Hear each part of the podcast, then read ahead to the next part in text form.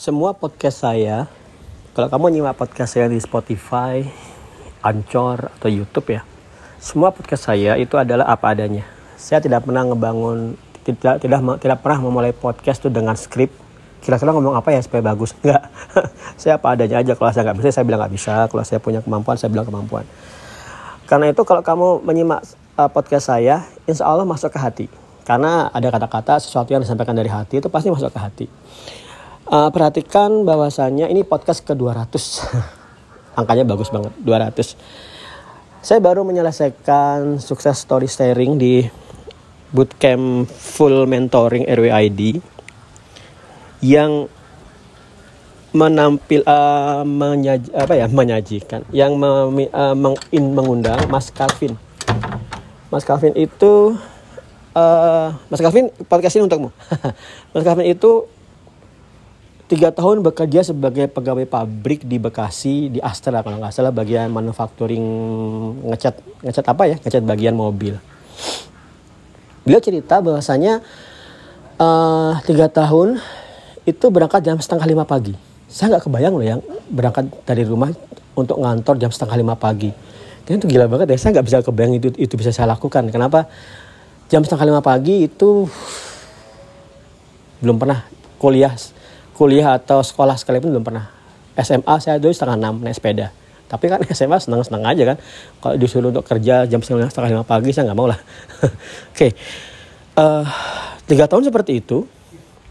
Kemudian saya nggak tahu, Mas uh, Mas uh, Mas Calvin itu SMK-nya desain. Kalau nggak salah ya, saya agak lupa. Apa RPL, RPL tapi udah menyukai desain, punya bidang desain. Kemudian Mas Calvin uh, kon mengikuti Instagramnya Mas Kukuh Aldi Desain. Oke. Okay. Kemudian saya japri-japrian sama Mas Kukuh, Mas Calvin ngecek, oh ternyata ada uh, seperti RWID ngebantu nembus remote work. Long story short, podcast yang kamu dengar ini adalah salah satu alasan sumber motivasi dan pengubah wawasan serta pengubah mindset tentang kenapa sih saya harus belajar remote work. Kalau kamu cuma sekedar oh kerja remote itu gajinya gede di rumah, itu bukan alasan kenapa kamu mau bekerja karena itu adalah cara kerjanya ya kan? Cara kerja remote work itu di rumah kerja gede hasilnya. Tapi buat apa sih aku mau susah payah belajar remote work? Buat apanya itu ada di podcast ini. Contoh saya tidak pernah bisa menekankan betapa luar biasanya bisa bekerja dari rumah dan melihat anak tumbuh kembang. Kalau kalian masih bujangan mungkin ya, mungkin ya kalian nggak bisa ngerasakan ya. Tapi percayalah, kalau kalian sudah sudah mulai punya insting untuk berkembang biak, kalian akan tahu bahwasanya uh, membayangkan berangkat jam setengah lima pagi, bayangkan ya setengah lima pagi, anakmu masih tidur lah, ya kan? Pulang jam 9 malam. Anakmu udah tidur.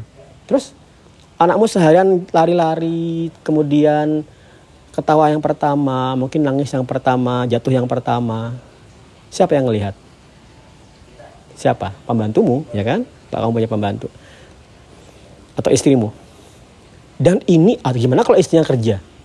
Ya kan? Berarti ditinggal oleh dijaga oleh uh, apa ya? Pembantu ya? Oke bantu atau dimasukin ke full daycare. Jangan. Dan juga bayangkan generasi yang akan muncul dari Mas Calvin Calvin yang lain. Mas Calvin Mas Haryadana Mas Hari Hadana juga pekerja pabrik juga. Mas Hari Hadana itu pekerja pabrik kalau nggak salah juga di bagian oh kalau Mas Calvin itu UI UX desain kalau Mas Hari Hadana itu di uh, front end kayaknya front end aja sih nggak back end. Front endnya pakai React JS atau Vue saya lupa. Mas Hari Hadana juga pekerja pabrik. Saya agak lupa kalau nggak salah mungkin saya saat itu sedang ngebuat story di Instagram tentang pas saya lagi subuhan di masjid ya saya bilang subuhan santai kalau kamu ngantor ya udah kamu nggak mungkin subuhan di masjid dengan santai sampai matahari terbit. Kan nggak bisa kamu nunggu sampai matahari terbit jam berapa ya? Jam 5.40 kamu harus berangkat kantor jam setengah lima ya kan tiba-tiba mas hari hadana uh, japri Peko aku lagi lagi di antrian mau nunggu bus datang uh, jam setengah lima pagi masa sih iya Peko waduh ya Allah nah teman-teman Beruntunglah kalau kalian saat ini masih muda, usia let's say 20-an awal. Beruntunglah. Kenapa? Tenagamu masih kuat. Passion belajar masih kuat. Dan tanggung jawabmu tidak sebesar kalau kamu sudah kepala tiga atau kepala empat. Jadi kamu bisa belajar dengan ringan. Ya kan? Pasti kamu bisa belajar dengan ringan. Nah, yang uh, dengan kondisi kamu dari pekerja pabrik bisa bekerja di rumah, Bayangkan efeknya terhadap trafik. Kamu mengurangi kemacetan trafik lalu lintas loh. Banyak orang yang saya selalu, selalu ulang-ulang ya. Saya selalu, selalu, selalu ulang-ulang tuh. Misalnya ada gubernur uh, apa kampanye gubernur DKI.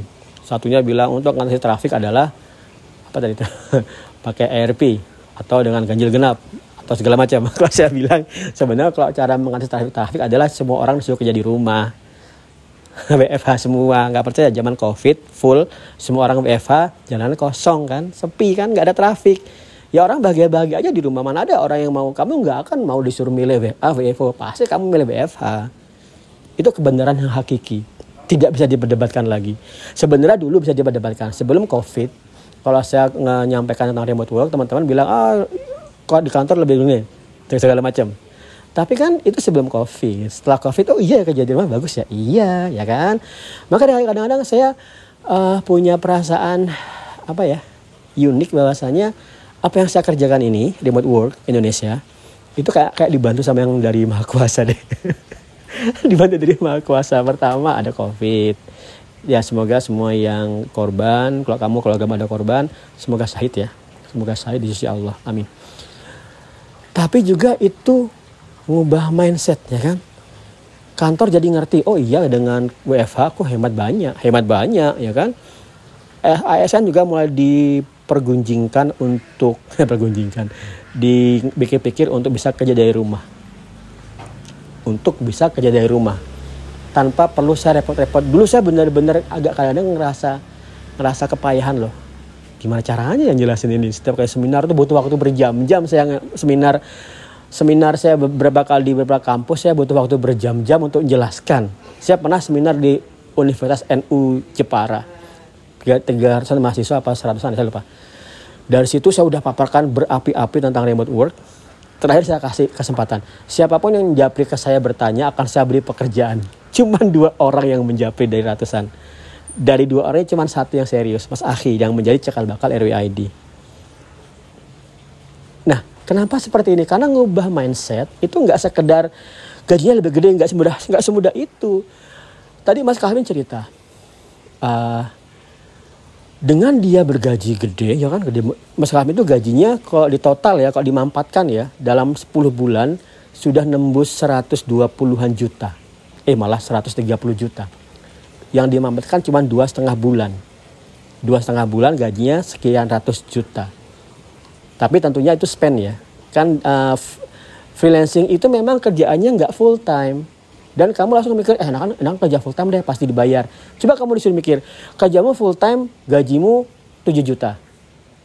Mas Calvin, ya nggak full time tapi kerja selesai jalan-jalan, selesai tidur, gajinya ratusan juta. Kamu milih yang mana? Masa kamu milih yang itu aja deh, yang pasti digaji? Kata kata Mas Calvin tadi saya bilang, uh, pilihan dari remote work itu ada dua. Pilihan hidup itu ada dua. Digaji tetap, eh tetap berpenghasilan, eh, berpenghasilan tetap yang onsite kerja di kantor atau tetap berpenghasilan. Berpenghasilan tetap ya segitu aja. Kok berpenghas tetap berpenghasilan tuh ya pokoknya berpenghasilannya gede aja. Cuman ya naik turun lah. Naik turunnya gini ya sekarang mungkin 30 juta, besok 20 besoknya lagi 50 ya kan nggak nggak tetap kan kamu yang mana yang 7 juta aja selama setahun oke teman-teman uh, kemungkinan ini podcast saya yang rada rada aneh ya karena saya sedang sedang tidak sedang punya banyak sekali pemikiran di benak saya pemikiran saya yang paling utama saat ini itu adalah uh, secara fundamental bisnis RWID mau dikemanakan. Remote Work Indonesia saat saya buka rahasia nih di podcast ke 200 200 ini saya buka rahasia RWID itu belum berbentuk badan hukum Jadi ada kata kamu mau ngeklaim nama remote work Indonesia secara hukum saya kalah loh. Kayaknya ya. Misalnya, Pak Eko, aku sudah daftarkan ke Kemenham, Menkumham. Pak Eko nggak boleh pakai remote work Indonesia. Kayaknya bisa deh. Meskipun saya akan ngotot. Wong saya udah dari tahun 2017 ya kan. Karena saya tidak pernah terlalu overthinking dalam melakukan sesuatu kalau kamu saat ini berusaha berpikir bagaimana cara membangun startup ya, mungkin yang kamu lakukan adalah uh, apa ya? Yang kamu lakukan itu adalah mungkin nyiapin investasi, terus nyiapin badan hukum, nyiapin bangunan segala macam. Saya dalam membangun sesuatu, Remroke Indonesia itu dibangun dari bawah. Ada nggak sih yang mau beli gitu dulu? Ada nggak sih yang berminat? Ada, ada. Ya udah kembangin aja terus, sempurnakan, sempurnakan. Nah sekarang udah membesar dia sekarang sudah membesar dan saya harus berhati-hati. Paling utama saya harus berhati-hati dengan pajak. Anda kata ini sudah terdeteksi oleh pajak. Wah, saya harus hati-hati nih karena bisa-bisa kena denda. Kenapa? Karena yang saya nggak ngelaporin secara secara apa ya? Secara secara eksak lah. Karena saya sembarangan sih sebenarnya. Saya tuh tipenya nggak terlalu taat sama peraturan. Ya kalau saya taat sama peraturan, saya nggak akan menciptakan RWID. Saya nggak akan memaksa kalian berpikir untuk kerja dari rumah. Ya kan? Nah tapi ya syukurlah. Uh, cukup insya Allah cukup. Uh, jadikan teman-teman jadikan waktu mudamu itu waktu muda yang kamu akan puas. Gimana cara kamu puas waktu mudamu? Ya kamu bisa berhasil mendapatkan gaji yang banyak banget ribuan dolar cukup dari rumah kamu akan puas jangan pernah kamu di usia 30 40 berpikir andai aku dulu ngikutin Pak Eko jangan Iya karena itu udah gak ada artinya ya kan. Kalau sekarang kamu dengar uh, podcast ini, jadikan dia mengusik rasa penasaranmu dan bener gak sih aku bisa nulis remote work? Bener gak sih orang-orang yang bekerja di pabrik itu bisa kerja remote? Bener gak sih dari segi nol aku bisa dapat remote work? Bener gak sih aku SMK lulus tanpa ijazah kuliah bisa nulis remote work? Kalau kamu pengen tahu benar apa enggaknya, silakan ke Instagram remoteworker.id. Udah kami interaksi deh sama teman-teman di sana. Oke, teman-teman, semoga bermanfaat. Assalamualaikum warahmatullahi wabarakatuh.